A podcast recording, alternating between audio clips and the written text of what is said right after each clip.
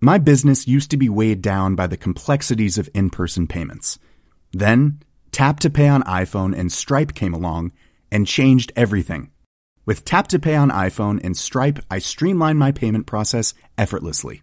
Now I can accept in person, contactless payments right from my iPhone. No extra hardware required.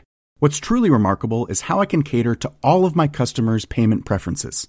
Whether they're using cards, Apple Pay, or other digital wallets, Tap to Pay on iPhone and Stripe ensure a smooth checkout experience every time.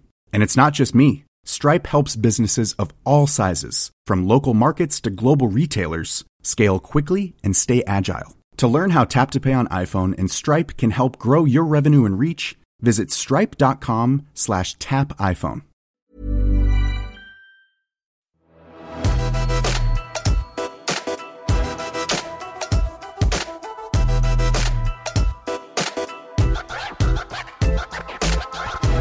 Her om dagen så kom jeg over en eh, pressemelding fra Institutt for samfunnsforskning, som da hadde laget en ny undersøkelse om eh, netthets, altså troll, eller trolling. Altså Det var 1700 som svarte, og den undersøkelsen her bekrefter på mange måter tidligere funn. Trollene er som ofte menn, og da menn med lav utdanning, og eh, de er da veldig negative til innvandring og litt sånn overraskende for min del eh, homofili. Og det her er da sakens kjerne. For det er ytterst få som ødelegger muligheten til et saklig og konstruktivt debattklima, som det står. Altså kun 5% svarer at de ofte eller iblant deltar i debatter med hard tone. Kun 5% Og det er da færre enn 2% som svarer at de selv har skrevet hetsende rasistiske og eller hatefulle ytringer. Så spørs det jo da hvor ærlig man er osv. Men om det er 2% mer enn 2% eller 5% som sådan altså Problemet med de få personene her er jo at det har da ført til at 80% av oss svarer at de aldri deltar i debatter med en hard tone. Og problemet som sådan er jo at debatt klima veldig fort blir hardt. Og antall temaer som da setter fyr på kommentarfeltet, ja, det øker jo også ganske kraftig. Du har jo politiske debatter, og det tar jo ikke mange sekunder før de har da dreid seg inn da mot innvandring, selvfølgelig. Og så kommer det selvfølgelig da utallige konspirasjonsteorier på toppen av det. Pandemi akkurat det samme. I det øyeblikket man snakker om pandemi, så kommer man da inn på politikk, og så kommer man da inn på innvandring, og så rundes det hele av da med noen ville konspirasjonsteorier på nytt igjen. Miljø, akkurat det samme. Rett inn på miljø, inn på politikk, inn på innvandring, konspirasjonsteorier. Økonomi, akkurat det samme. Har man dårlig økonomi, inn på det politikerne som fader ikke vet hva de driver med. Og så er man i gang med innvandring på toppen av det hele igjen. Og så avslutter man hele kalaset med konspirasjonsteorier. Mat. Ja, kommer inn på det politiske plan der også. Kjøttindustrien mot veganere og vegetarianere.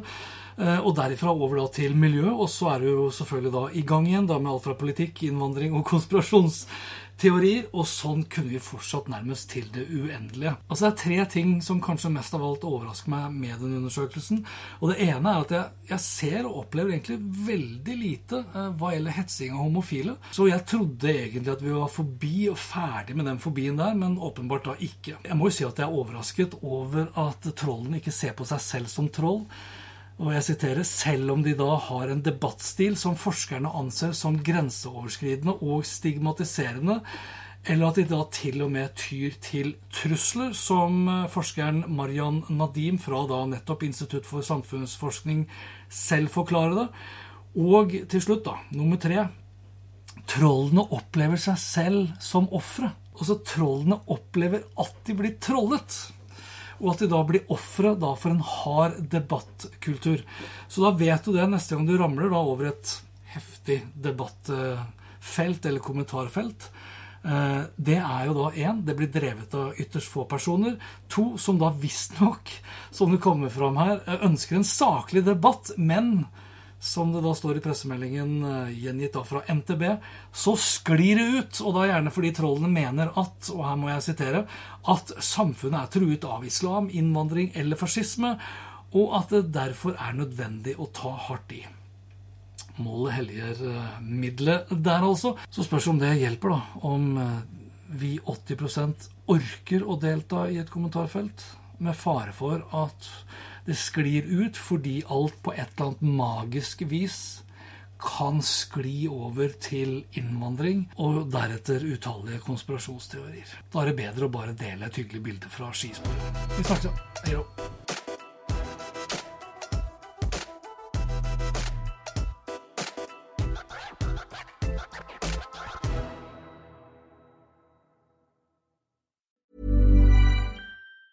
Even on a budget, quality is non-negotiable. That's why Quince is the place to score high-end essentials at 50 to 80% less than similar brands. Get your hands on buttery soft cashmere sweaters from just 60 bucks, Italian leather jackets, and so much more. And the best part about Quince, they exclusively partner with factories committed to safe, ethical, and responsible manufacturing. Elevate your style without the elevated price tag with Quince. Go to quince.com slash upgrade for free shipping and 365-day returns. My business used to be weighed down by the complexities of in person payments. Then, Tap to Pay on iPhone and Stripe came along and changed everything. With Tap to Pay on iPhone and Stripe, I streamlined my payment process effortlessly.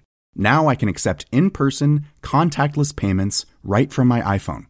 No extra hardware required. What's truly remarkable is how I can cater to all of my customers' payment preferences.